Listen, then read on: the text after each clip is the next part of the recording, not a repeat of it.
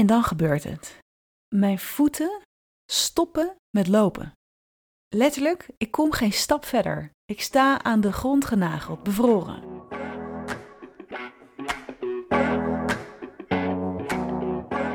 Welkom bij een nieuwe aflevering van Merkverhalen, de podcast voor mensen die merken maken.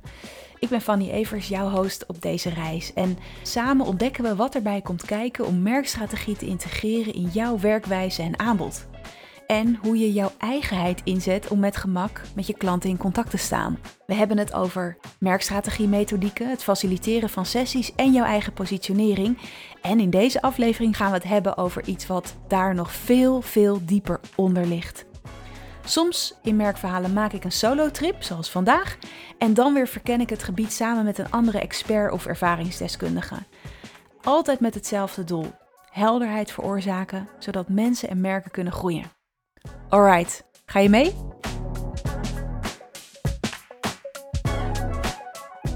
Het is september 2009 en na een hele lange, warme busreis loop ik achter een groepje andere backpackers aan het Chinese dorp Dali binnen. Nou, waarschijnlijk spreek je dat uit als Dali.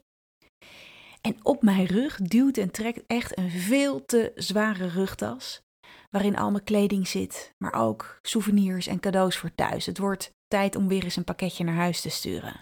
Dat heb je met zo'n groeiende rugtas. En dat groepje backpackers, dat is de afgelopen dagen echt mijn groepje backpackers geworden. We beklommen samen een gletsjer. We aten noedels bij een oud, kromgegroeid vrouwtje aan de voet van een berg. En we bezochten samen hele mooie, kleurrijke markten daar in het zuiden van China. En hoewel dat allemaal heel erg leuk en aardig was, bekroop me in die dagen ook een heel naar gevoel.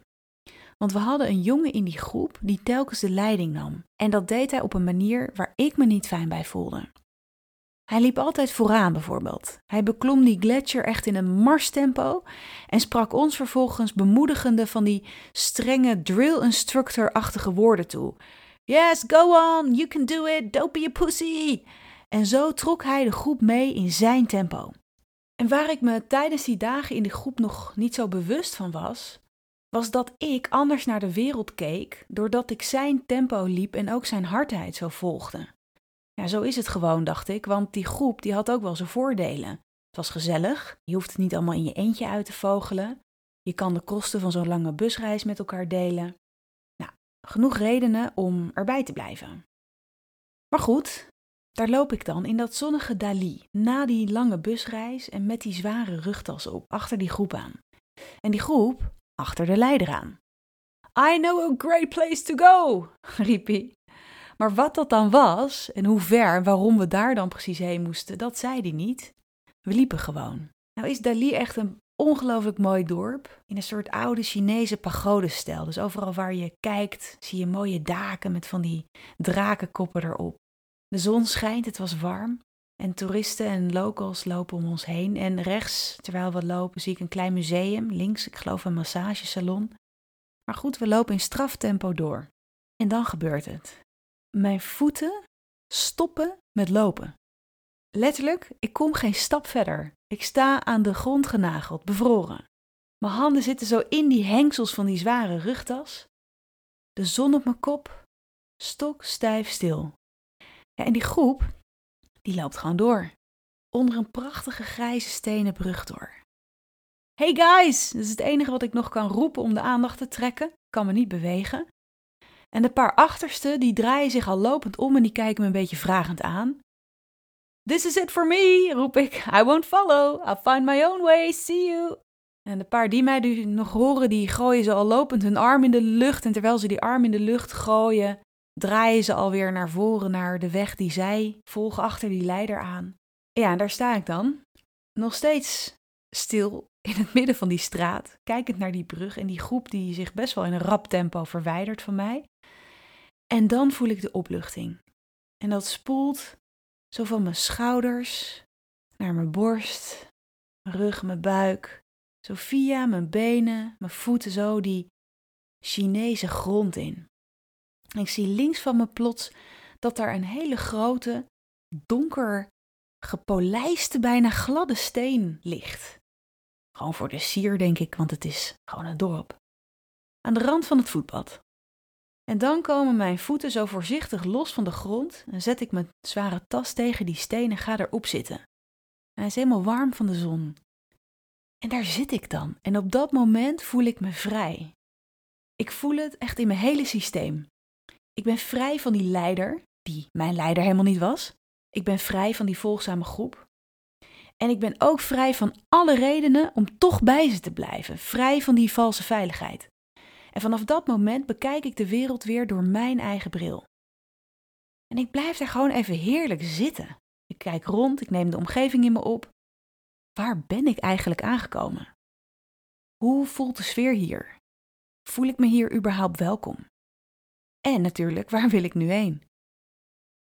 En als ik dan op mijn eigen tempo weer ga, dan gaat eigenlijk ja, alles vanzelf. Ik vind een prachtig hostel in een groene zijstraat.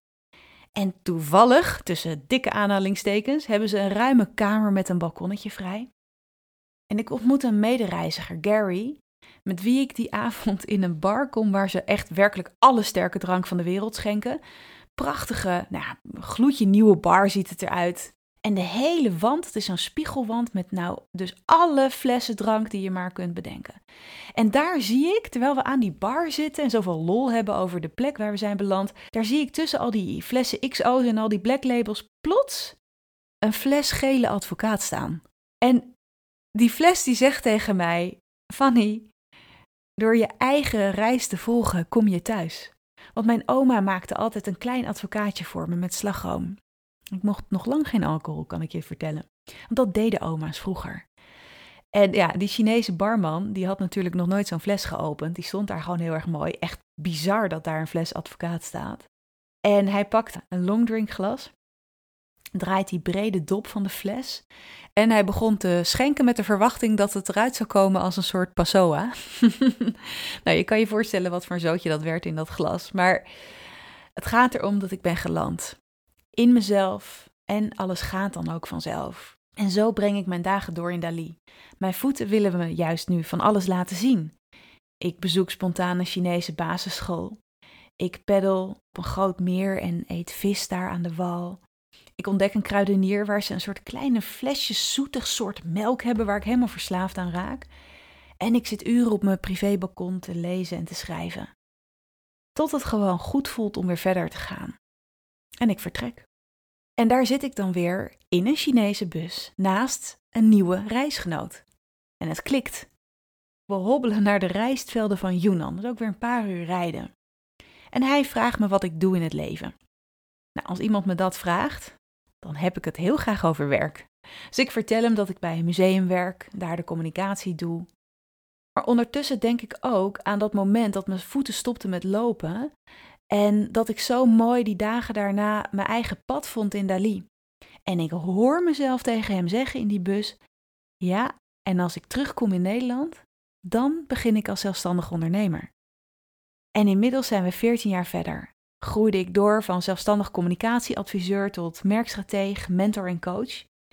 En dit verhaal vormt nog altijd de basis van mijn missie. Want ik ben er voor mensen en in het bijzonder ondernemers en professionals die hun eigen weg willen bewandelen. En dat geldt ook voor organisaties die hun eigen weg willen bewandelen. Die hun eigen innerlijke kracht en visie misschien wel voelen, maar er nog niet volledig en vrij toegang toe hebben. Het zijn altijd ambitieuze en levenslustige mensen die zichzelf en anderen graag willen leiden en die klaar zijn met het vasthouden aan valse veiligheid en het volgen van andermans paden. Het zijn ervaren professionals die naar binnen durven te kijken, omdat ze weten dat daar de sleutel ligt voor hun eigen vrijheid en succes, maar ook dat van hun organisatie of merk. En ik doe dat op verschillende manieren inmiddels. Ik heb speciale programma's, zoals de cursus Merkstrategie voor ontwerpers, die merkstrategie en facilitatie echt sterk willen integreren in hun werkwijze en aanbod. Ik ben merkstratege voor scale-ups en MKB-organisaties en als coach werk ik in opstellingsdagen en in één op één trajecten. Nou, mocht je nou denken, ik sta ook met mijn voeten aan de grond. dat is helemaal niet leuk, maar stel dat je daar bent. Of je bent wel al aan de wandel, maar je hebt nog niet helemaal het gevoel dat het 100% jouw eigen pad is. of je leidt een organisatie die daar staat. Natuurlijk ga je door, maar is het je eigen pad? Is het het meest succesvolle en meest eigen wat je kan doen? Nou, op het moment dat je je bewust van wordt dat er iets is wat je tegenhoudt om je volle potentieel te benutten, of dat je misschien te veel iemand anders pad volgt, of nog niet helemaal dat van jezelf, of misschien dat je lijf je simpelweg al heel lang heeft aangegeven dat het tijd is om nog meer je eigen weg te kiezen. Dat is precies het moment om bijvoorbeeld nog meer van deze podcast te gaan luisteren, je erop te abonneren. Je bent hartstikke welkom. Je kan me op LinkedIn opzoeken of op Instagram. Ik zet mijn contactgegevens nog eens in de show notes. En om misschien gewoon eens contact op te nemen. Je bent altijd welkom en vrij om dat te doen. En wie weet zitten we dan wel samen op die grote warme steen. En neem je de omgeving eens even goed en rustig in je op. En dan stel ik jou de vraag. En waar wil jij naartoe?